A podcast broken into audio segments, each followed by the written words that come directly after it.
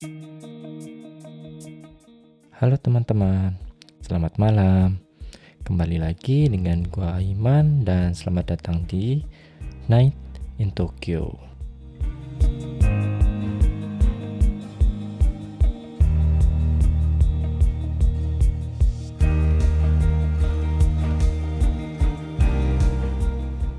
Halo teman-teman, kembali lagi dengan gua Aiman di Night in Tokyo.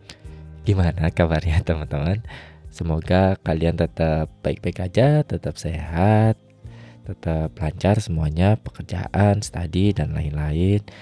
Eh, nggak uh, terasa udah dua minggu, itu artinya saatnya kita bertemu lagi ngobrolin tentang Jepang, budaya budaya-budaya Jepang, hal-hal yang berkaitan tentang Jepang, dan juga buat teman-teman yang Muslim di Jepang di Indonesia atau di mana pun kalian berada yang sedang menjalani ibadah puasa, selamat puasa. Semoga lancar puasanya, berkah dan diberi kesehatan sampai nanti Idul Fitri. Masuk ke tema kali ini teman-teman. Jadi kali ini itu gua pengen banget membahas tentang Shushoku Katsudo atau yang bisa disingkat Sukatsu. Mungkin teman-teman yang tinggal di Jepang udah nggak asing lagi dengan uh, istilah ini. Ya benar, jadi istilah ini itu adalah job hunting season di Jepang. Jadi bulan-bulan Maret, akhir Maret lebih tepatnya, uh, mulai dari akhir Maret, April dan sampai Agustus, Oktober ataupun akhir tahun nanti sebenarnya teman-teman, kalau di Jepang itu adalah season job hunting teman-teman. Jadi bagi teman-teman yang tahun depan mau lulus biasanya pada jangka waktu ini itu mereka lagi berjuang-juangnya untuk mencari pekerjaan setelah mereka lulus nanti teman-teman. Mungkin tema ini sendiri pernah gue bahas sih sebenarnya sedikit teman-teman di salah satu episode yang mencari kerja di Jepang itu ada pokok episodenya di season 1 memang gue udah pernah membahas ini sedikit teman-teman kurang lebihnya seperti apa. Tapi untuk episode kali ini itu teman-teman gue akan membahas secara rinci dan detail seperti apa sih sebenarnya Shushoku Katsudo ini atau yang bisa disingkat dengan Shukatsu. Jadi uh, seperti apa budayanya gimana prosesnya terus gimana sih caranya supaya kita bisa cari kerjaan di Jepang ini buat teman-teman yang memang tahun ini harus cari kerjaan di Jepang tentunya. Maka dari itu gua membuat episode kali ini itu khusus membahas tentang job hunting di Jepang, teman-teman. Sebagai permulaan, mungkin kalian bertanya gitu loh. Kenapa sih gua mengangkat uh, tema ini gitu buat episode 6 ini? Karena yang seperti gua udah sebutkan tadi di awal. Jadi di akhir bulan Maret dari akhir bulan Maret, April sampai akhir tahun nanti itu biasanya di Jepang itu mulai uh, masuk ke season Susoku Katsudo itu teman-teman atau job hunting di Jepang. Jadi bulan-bulan ini tuh uh, di Jepang lagi banyak-banyaknya mahasiswa sedang berjuang untuk mencari pekerjaan setelah tahun depan mereka itu lulus, teman-teman. Kedua, uh, sebenarnya budaya Susoku Katsudo ini itu kenapa gue pengen angkat juga karena budaya ini itu sangat-sangat mencerminkan Jepang, teman-teman. Dan budaya ini itu kayak cuma ada di Jepang doang gitu. Gak cuma di Indonesia, bahkan di negara-negara lainnya pun sepertinya nggak ada gitu loh uh, budaya job hunting yang kayak Sushoku Katsudo di Jepang ini. Maka dari itu, gue merasa topik ini itu menarik, bakal menarik untuk dibahas buat topik eh buat episode kali ini karena timingnya pun juga pas gitu teman-teman.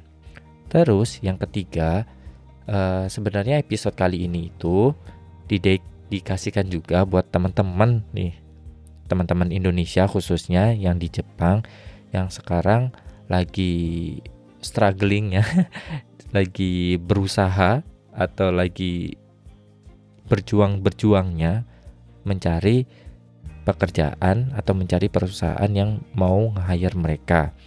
Bahkan nih bahkan teman-teman yang lulus tahun kemarin pun uh, banyak yang juga belum dapat pekerjaan gitu loh teman-teman karena ketika tahun lalu itu ada corona datang ke Jepang kayak banyak sekali perusahaan nggak sedikit perusahaan Jepang khususnya yang uh, menunda rekrutmen mereka ke tahun ini karena kondisinya yang nggak kondusif seperti itu. Jadi sebelum memulai pembahasan tentang Shusoku Katsudo itu sendiri, itulah alasan gua teman-teman kenapa gua mengangkat lebih dalam tentang tema job hunting di Jepang ini teman-teman. Terus pasti uh, beberapa dari kalian bertanya-tanya gitu. Shusoku Katsudo ini tuh seperti apa sih? Apa sih sebenarnya gitu loh. Shusoku Katsudo ini kenapa cuma ada di Jepang dan lain-lain kayak gitu uh, kalau kita melihat dari artis cara bahasanya sih teman-teman kayak itu kan ada dua kata ya sebenarnya. Shushoku sama katsudo. Uh, kalau diartikan shushoku itu sendiri adalah mencari pekerjaan gitu loh teman-teman. Kalau diartikan secara bahasa ya. Terus uh, katsudo itu katsudo itu sendiri artinya adalah activity jadi aktivitas. Jadi kalau diartikan secara bahasa atau secara harfiah shushoku katsudo itu atuh aktivitas di mana kita lagi mencari pekerjaan teman-teman. Jadi intinya shushoku katsudo itu adalah sebuah masa atau sebuah jangka waktu di mana para uh, lulusan lulusan baru, maksudnya fresh graduate dari univ dari seluruh universitas di Jepang itu mahasiswanya mencari pekerjaan dan biasanya anak-anak yang lagi mencari pekerjaan ini atau Susuku Katsudo ini itu adalah anak di tahun sebelum akhir perkuliahan ah tahun sebelum akhir kelulusan mereka. Jadi misalkan kalau di universitasnya 4 tahun, jadi di tahun ketiga dari masa kuliahnya dia. Karena tahun depannya lulus atau enggak yang di college di 2 tahun atau di mungkin master degree yang 2 tahun itu di tahun pertama akhirnya. Jadi menjelang apa sih? Menjelang tahun ketiganya. Yang di mana ketika tahun ini dia udah keterima pekerjaan di tahun depan pas mereka lulus itu mereka nggak perlu nyari pekerjaan tapi langsung masuk ke perusahaan di mana tahun ini dia keterima teman-teman. Jadi kalau di Jepang itu sistemnya kayak gitu buat fresh graduate gitu. Sebenarnya kalau buat mid career atau apa sih pindah kerja kayak kamu udah keterima nih atau udah kerja di mana terus kamu pengen pindah kerja, nah itu nggak ada hubungannya sih sebenarnya dengan Shushoku Katsudo karena ketika kamu uh, pingin kamu udah bekerja di salah satu perusahaan dan pengen pindah kerja atau pengen mencari pekerjaan yang baru atau mid career lebih tepatnya itu kalian nggak perlu ngikutin dalam jangka waktu ini kalian harus ikutan cari kerja juga enggak karena untuk mid career biasanya perusahaan-perusahaan itu selalu buka rekrutmen atau buka lowongan kerja meskipun nggak di masa uh, Susoku Katsudo. Yang jelas ketika ada lowongan ya mereka bakal membuka peluang itu kayak gitu teman-teman. Lalu tujuannya tuh apa sih sebenarnya Susoku Katsudo ini? Kenapa budaya ini tuh ada? Kenapa harus ada gitu di Jepang dan lain-lain? Yang jelas gue sendiri juga nggak tahu dari kapan budaya seperti ini tuh ada di Jepang. Jadi kayaknya budayanya ini tuh udah sangat berpuluh-puluh tahun ada gitu loh. Jadi uh, lebih tepatnya Shushoku Katsudo ini tuh memang meringkaskan gitu loh teman-teman dari pemerintah dan dari industri itu sendiri supaya dalam jangka waktu ini semua perusahaan itu serentak membuka lowongan pekerjaan sebesar-besarnya buat fresh graduate. Jadi semua perusahaan di Jepang itu membuka lowongan fresh graduate-nya itu pada jangka waktu yang memang sudah ditentukan gitu teman-teman. Jadi misalkan kalian udah kelewatan dengan masa itunya gitu, ya kalian harus mengulang lagi di tahun depannya lagi teman-teman. Lalu prosesnya tuh seperti apa sih? Mungkin teman-teman yang di Indonesia ataupun yang di luar Jepang sendiri penasaran gitu loh, apakah prosesnya itu mirip-mirip juga kayak di Indonesia atau kayak di luar negeri atau sama sekali berbeda gitu loh dibandingin apa negara-negara yang lain gitu selain Jepang. Kurang lebih sebenarnya prosesnya sih sama-sama aja gitu loh sebenarnya teman-teman. Kayak kalian waktu cari pekerjaan gitu kayak cari informasi terus uh, ya apply terus interview dan lain-lain.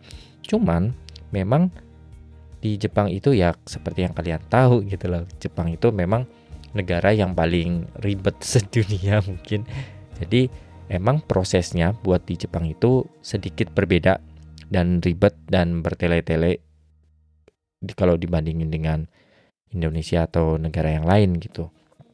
Jadi biasanya kita nih kalau di universitas di tahun ketiga anak-anak yang memang pengen cari kerjaan buat tahun depan itu mereka udah kayak banyak mengumpulin informasi gitu loh tentang perusahaan apa yang pengen dia masukin atau industri apa yang mereka pengen kerja gitu loh. Jadi di awal-awal April atau akhir-akhir Maret itu uh, tempat kuliahnya sendiri pun kayak udah memfasilitasi gitu loh mereka ke anak-anaknya untuk misalkan apa yang apa aja yang perlu disiapkan, terus gimana tips-tipsnya.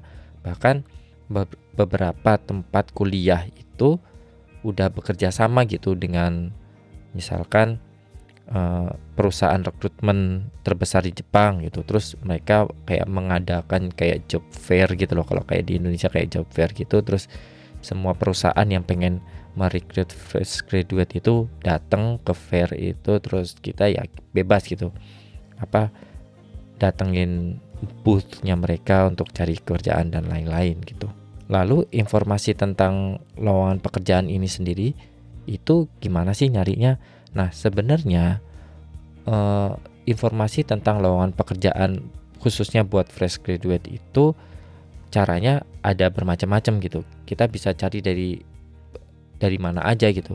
Pertama, kalian bisa cari informasi tentang lowongan pekerjaan itu di kampus kalian masing-masing gitu. Nah, biasanya suka ada ada support centernya di situ kalian bisa tanya apakah ada brosur dan lain-lain, apakah ada informasi tentang lowongan pekerjaan dan lain-lain itu biasanya ada di kampus masing-masing. Terus kalian bisa juga cari ke website dari perusahaan yang kalian pengen tuju gitu loh. Misalkan nih, misalkan kalian pengen masuk ke Uniqlo gitu. Misalkan atau ke salah satu perusahaan uh, otomotif kayak Honda dan lain-lain. Nah, kalian itu bisa langsung cari ke websitenya mereka.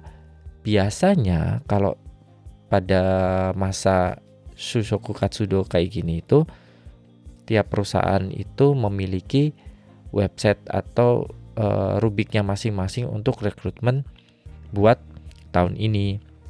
Nah, jadi ketika kalian buka websitenya mereka, biasanya mereka udah naruh uh, informasi selengkap-lengkapnya tentang rekrutmen. Terus, selain dari dua hal itu, kita sendiri bisa cari informasi dari kayak perusahaan rekrutmen gitu. Kalau di Jepang kan ada Rikunabi, ada Mainabi, ada rekrut dan lain-lain. Nah, itu perusahaan yang rekrutmen itu tuh biasanya punya segudang informasi tentang rekrutmen mulai dari industri paling uh, mulai dari industri A sampai industri Z gitu. Mereka tuh punya uh, database yang besar gitu. Jadi ketika kalian mungkin buat account di sana, kalian bisa cari juga di aplikasinya mereka uh, lowongan-lowongan pekerjaan misalkan kita bisa mengkategorikannya industrinya apa gitu nah kalian bisa cari semua data yang mereka punya di situ. Nah, dari informasi yang kita dapat nantinya itu biasanya teman-teman di uh, apa sih di bagian informasinya itu tuh udah uh, udah dituliskan gitu, udah udah diinformasikan kayak jadwalnya mereka gitu loh. Kapan mereka itu memulai Setsumekai. Jadi Setsumekai itu apa? Kalau di Jepang itu kalau lagi Susoku Katsudo itu ada yang namanya Setsumekai. Setsumekai itu kayak company briefing gitu kurang lebih jadi kayak hmm, kita datang ke tempat mereka perusahaan mereka dan nantinya mereka itu uh, akan menjelaskan perusahaan mereka itu seperti apa kayak gitu misalkan perusahaannya itu bergerak di bidang apa terus policy-nya tuh kayak gimana terus dia nyari apa dia butuhnya berapa orang, jenjang karirnya itu seperti apa, gajinya gimana dan lain-lain. Nah, itu biasanya mereka akan menjelaskan semuanya di acara Setsumekai itu atau uh, company briefing kayak gitu. Bahkan proses rekrutmennya sendiri pun biasanya mereka akan menjelaskannya di sana gitu. Nah, setelah kita datang ke Setsumeka biasanya kita dikasih apa sih namanya dikasih jadwalnya kapan tes uh, perusahaan apa kapan tes SPI-nya jadi kalau di Jepang itu ada yang namanya SPI jadi apakah SPI itu itu tuh kayak kalau di Indonesia mirip dengan tes uh, psikotes sebenarnya jadi kayak uh, menggali uh, kemampuan kita dari psikologi. Terus biasanya di SPI itu sendiri juga ada uh, tes kemampuan pengetahuan umum, mulai dari matematika dasar, cara berpikir, dan lain-lain sih sebenarnya. Kadang kadang-kadang juga ada kayak uh, kemampuan kanji atau kemampuan tentang sejarah kayak gitu teman-teman. Tapi sebenarnya tes SPI ini sendiri ada beberapa perusahaan yang memang nggak ada tesnya gitu. Jadi nggak semua perusahaan ada, tapi biasanya ada dan cuma sedikit banget sih memang perusahaan Jepang yang nggak uh, ada tes SPI-nya itu. Gitu. Nah setelah kalian nanti misalkan lulus nih dari tes SPI itu, dari situ baru kalian akan masuk ke tahap seleksi atau interview kayak gitu. Jadi di Jepang nih teman-teman berbeda dengan di negara yang lainnya. Di Jepang itu kalau interview pekerjaan biasanya itu bisa minimal minimal dua kali sampai tiga tiga kali interview gitu. Hah? Kok banyak banget gitu?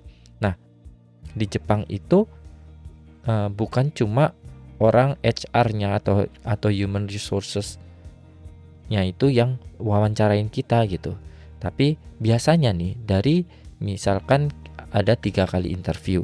Nah biasanya di interview pertama itu yang bakal interview kalian itu orang HR-nya.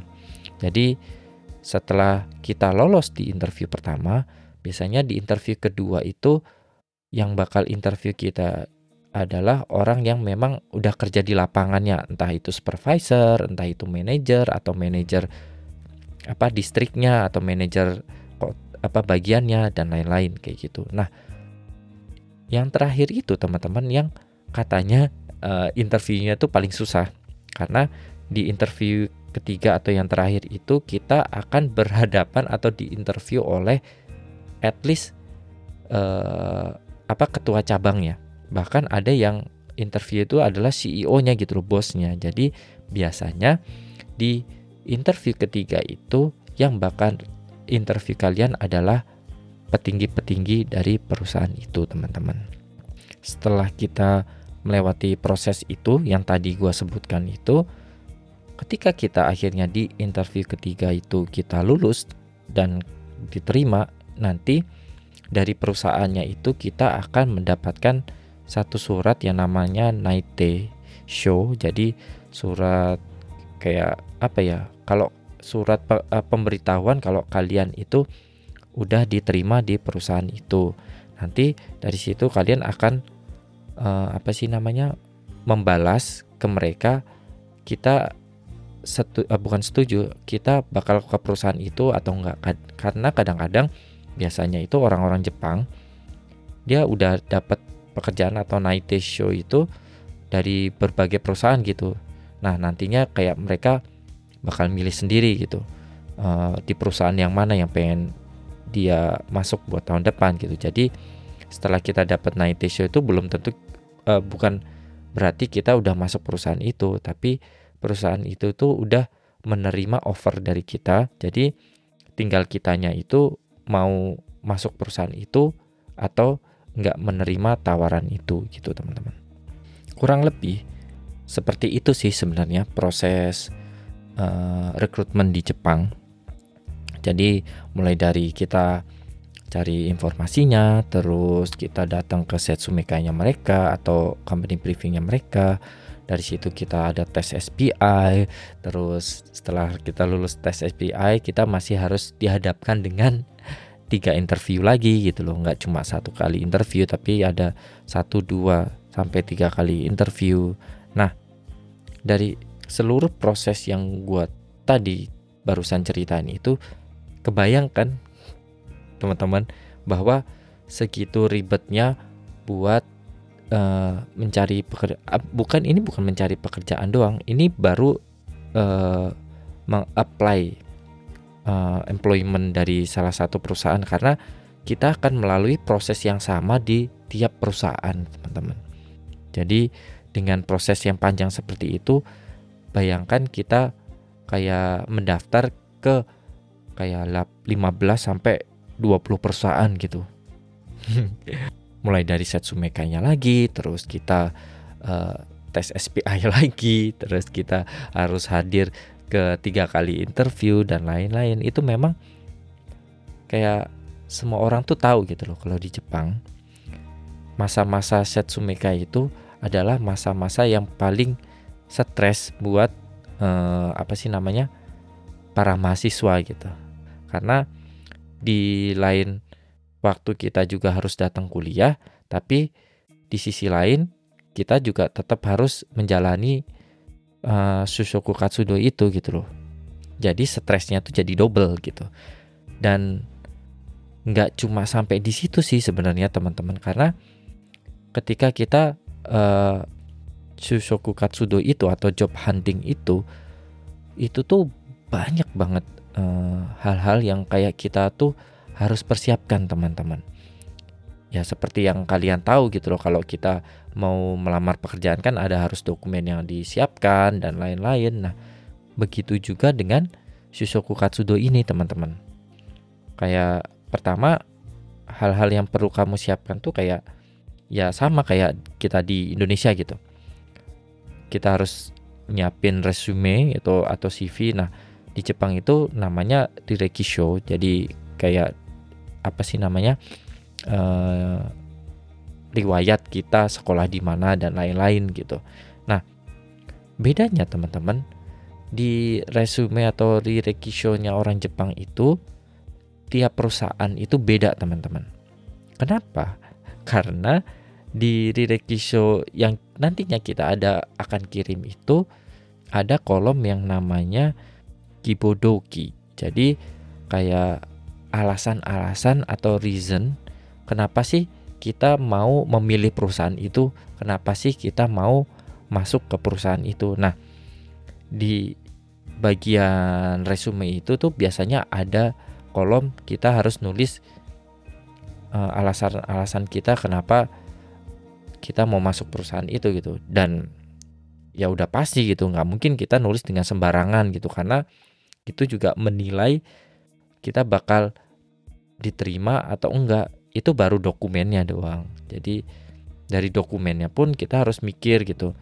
Kenapa sih kita mau masuk perusahaan itu? Alasannya kenapa? Untungnya bagi dia apa? Untungnya bagi mereka apa kalau kita masuk dan lain-lain. Nah nggak sedikit juga ketika kita apply uh, resume kita itu terus nggak keterima tuh ada juga teman-teman. Jadi nggak semuanya kita kirim itu bakal diterima sama mereka nah biasanya yang nggak diterima itu ya nggak nggak nggak masuk atau nggak lanjut ke tes SPI dan interview. Ya udah terpotong atau terputus saat ini aja. Apa sih namanya?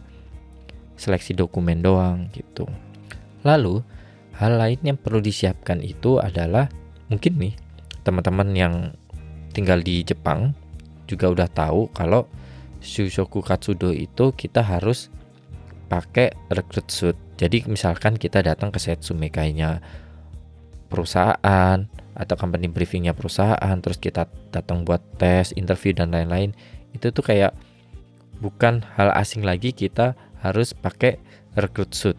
Jadi kayak jas atau suit yang memang didesain itu buat rekrutmen gitu loh. Kenapa? Karena gue nggak tahu juga kapan ada budaya ini di Jepang.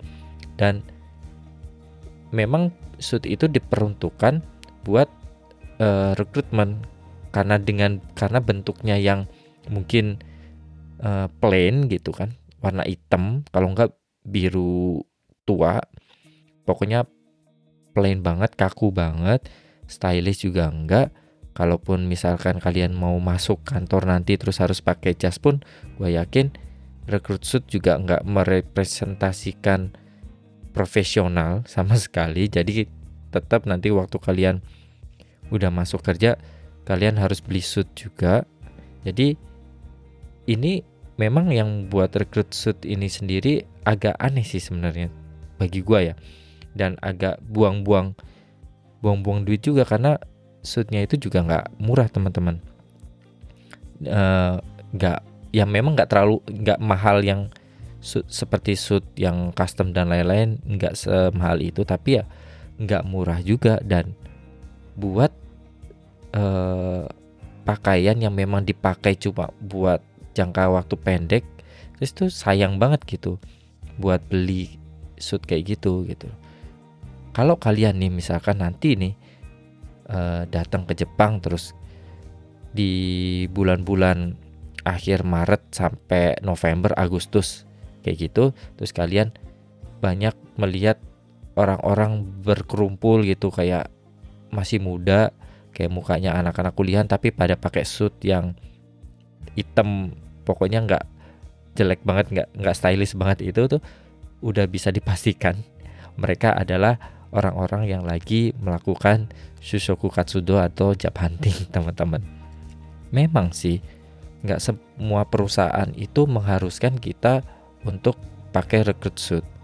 Khususnya perusahaan yang memang bergerak di bidang fashion atau desain gitu biasanya fashion dan desain itu akan lebih be, bukan bebas sih akan lebih informal gitu dibandingkan perusahaan-perusahaan yang lain. Tapi kalau perusahaan-perusahaan yang memang perusahaan yang pada umumnya itu biasanya mereka uh, mengharuskan kita pakai recruit suit biasanya juga udah ada di pengumumannya gitu kayak tata cara di tata caranya misalkan kita datang interview dan SPI eh, tes SPI dan lain-lainnya itu biasanya mereka juga udah menuliskan kalau kita harus pakai recruit suit.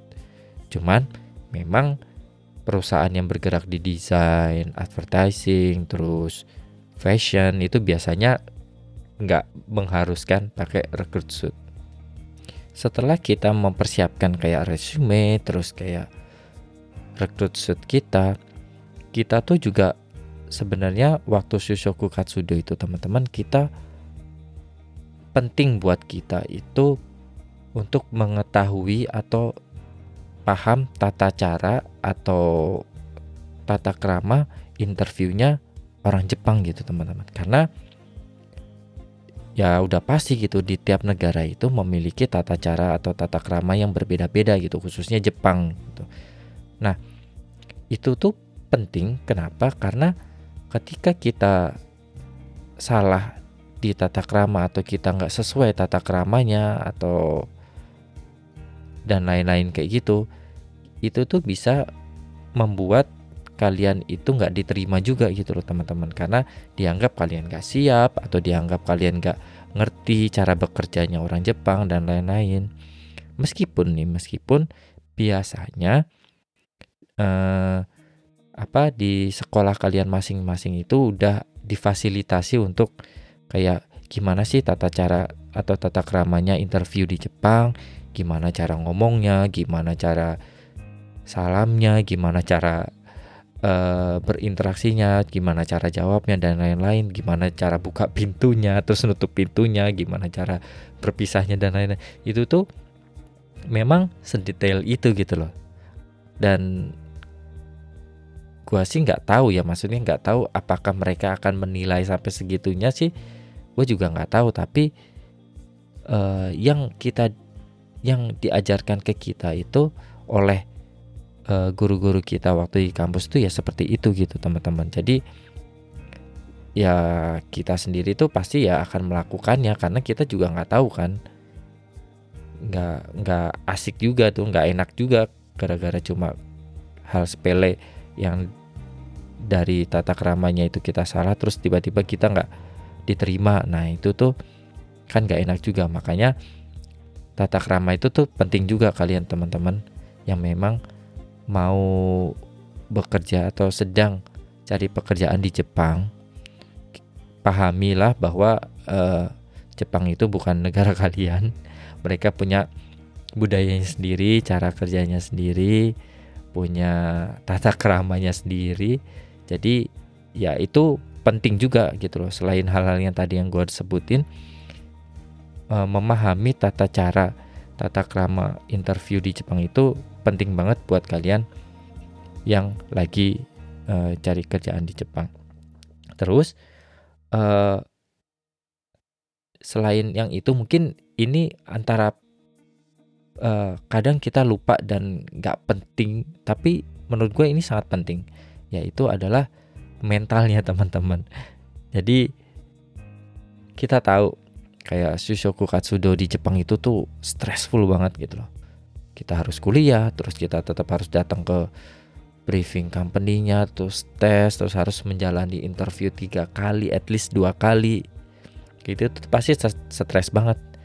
Dan gak usah khawatir teman-teman. Rupanya bukan kita yang foreign student doang yang kayak gitu. Orang Jepangnya sendiri pun uh, sangat stres juga. Dan biasanya nih biasanya teman-teman orang Jepangnya itu kayak karena udah berkali-kali melakukan hal itu, berkali-kali ditolak, berkali-kali datang, terus berkali-kali latihan, interview dan lain-lain, itu tuh mereka sendiri jadi kebal gitu loh. Karena yang perlu kalian tahu gitu loh, orang Jepang itu at least dia itu e, mendaftar ke perusahaan itu kurang lebih antara uh, antara 15 sampai 30 perusahaan lebih gitu loh teman-teman. Jadi nggak sedikit mereka apply gitu. Jadi ya gue juga nggak tahu ya kenapa mereka bisa sampai uh, sebanyak itu apply-nya. Ya mungkin karena di awal-awal pasti mereka kan nervous dan lain-lain. Terus mungkin ya udah perusahaan awal-awal di 10 awal itu kan pasti kayak jadi sampah aja gitu. Jadi cuma uh, latihan interview dan lain-lain dan dari situlah biasanya kita dan mereka itu mulai paham gitu loh, mulai terbiasa dengan interview, mulai kebal gitu loh mentalnya. Nah, itu dia kenapa uh, mental sendiri pun perlu buat saat Susoku Katsudo ini itu. Nggak usah nggak usah kecil hati kalau cuma uh, sepu apa 5 6 7 perusahaan di, menolak kalian karena pada kenyataannya orang Jepang sendiri harus mendaftar 30 perusahaan dulu baru dia dapat beberapa beberapa tawaran kayak gitu teman-teman. Nah, gimana? Ribet kan? Emang ribet teman-teman kalau uh, apa sih job hunting di Jepang itu?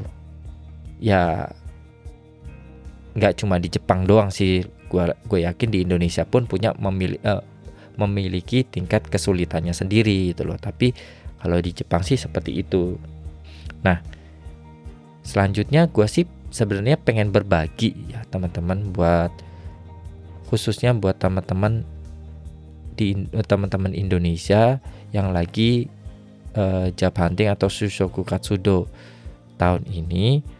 Jadi dari seluruh pengalaman gua di tahun lalu itu, gua akan mencoba berbagi beberapa tips sih lebih tepatnya supaya kalian at least bisa uh, apa ya nggak melakukan atau menghindari perma uh, menghindari kesalahan-kesalahan yang obvious banget gitu yang biasanya khususnya foreign student itu sering banget ngelakuin ya gitu teman-teman. Jadi yang pertama nih, yang pertama itu ketika nanti nih kalian udah tes dan masuk ke tahap interview, orang Jepang itu suka sekali dengan pertanyaan nanti lima tahun lagi kalian eh, kira-kira seperti apa gitu, mau jadi apa, terus di mana? Dan lain-lain. Nah, banyak uh, foreign student itu suka bilang kan ya meskipun ya meskipun kita nggak punya rencana tinggal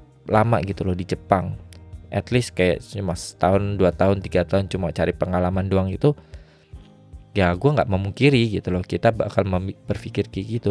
Tapi ketika interview itu jangan sampai kalian bilang ketika ditanya seperti itu kalian menjawabnya ya mungkin uh, eh, gue bakal balik lagi gitu loh. Misalkan kal kalian dari Indonesia ya di lima tahun ke depan mungkin gue bakal balik ke Indonesia kayak gitu. Nah, kenapa kita jangan bilang kayak gitu? Karena bagi mereka itu tuh itu adalah deal breaker teman-teman. Kenapa? Karena uh, apa ya namanya jenjang karir di Jepang itu kayak mem bukan memaksa kita sih. Secara dasarnya itu memang pengen kita itu stay di perusahaan itu dan loyal di perusahaan itu selama-lamanya sampai kita uh, pensiun gitu loh. Jadi ketika kita bilang kayak gitu, udah udah pasti perusahaan itu tuh nggak melihat benefit dari uh, kita masuk situ. Nah, ketika kalian jawab kayak gitu, pertama udah pasti kalian bakal ditolak teman-teman. Itu. Terus yang kedua itu se sebisa kalian nih. Maksudnya kita tahu kalian bukan orang Jepang, bahasa Jepang itu susah dan segala macam. Tapi kita juga sebisa mungkin ketika interview itu meyakinkan mereka bahwa kita itu memiliki level komunikasi yang tinggi dan kita bisa beradaptasi dengan lingkungan kerja orang Jepang gitu loh. Meskipun kita yang bel belum segitunya jago gitu loh bahasa Jepang tapi kita tuh sebisa mungkin harus meyakinkan kalian bahwa eh meyakinkan mereka bahwa ini bukan problem bagi kita gitu loh.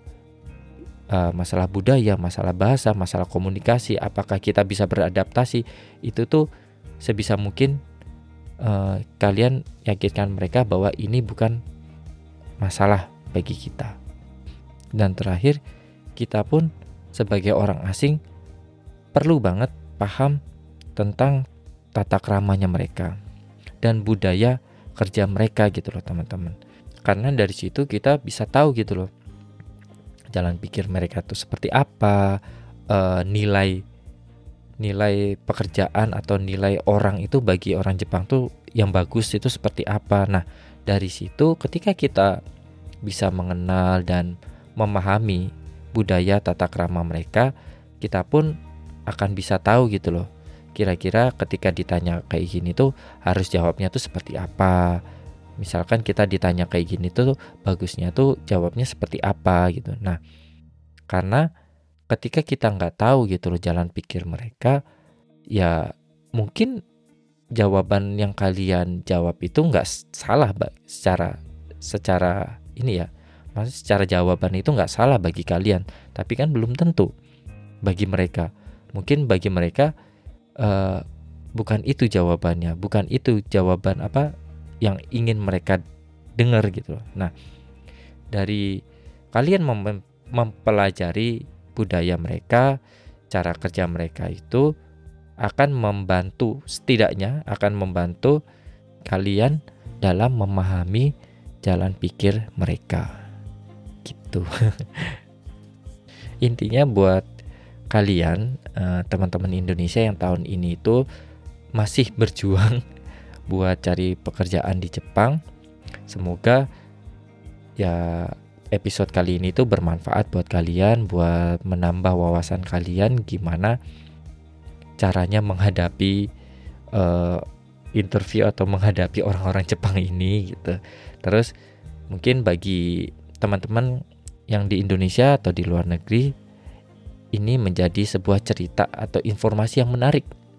Bagaimana uh, menantangnya, bagaimana susahnya mencari pekerjaan di Jepang. Jadi ya kalian tahulah di tiap negara kan memiliki uh, challenge-nya masing-masing gitu loh. Maksudnya memiliki hambatannya masing-masing.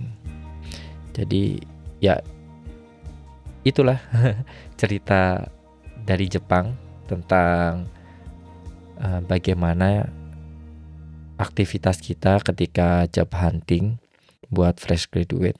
Jadi ya itu tuh benar. Emang seribet itu teman-teman. Itu gue merasakan memang tahun lalu juga gimana ribetnya nyiapin dokumen atau terus mikir jawabannya terus belajar tata cara interviewnya terus gimana cara jawabnya yang benar dan lain-lain. Mungkin di Indonesia pun seperti itu juga kan kalau kalian di interview. Cuman di Jepang memang detailnya dan prosesnya itu jauh lebih ribet ya menurut gua dibandingin di Indonesia. Ya uh, sekian dulu teman-teman buat episode kali ini tentang Shushoku Katsudo atau job hunting di Jepang. Jadi semoga cerita ini bisa menjadi hiburan atau bermanfaat juga buat kalian di mana pun kalian yang berada, di mana pun kalian berada, entah di Indonesia, di Jepang atau di negara lainnya. Oke, bagi teman-teman yang belum follow Instagram Night in Tokyo, mungkin bisa di follow di night.in Tokyo. Kalian bisa cari Instagramnya. Atau kalian bisa kunjungi juga uh, website Night in Tokyo di nightintokyo.com. Di sana kalian bisa baca blog, kalian bisa lihat foto-foto yang gue ambil juga atau kalian juga bisa dengerin semua podcast yang udah gue buat mulai dari season 1 episode 1 sampai sekarang itu kalian bisa langsung dengerin di website itu dan itu gratis teman-teman.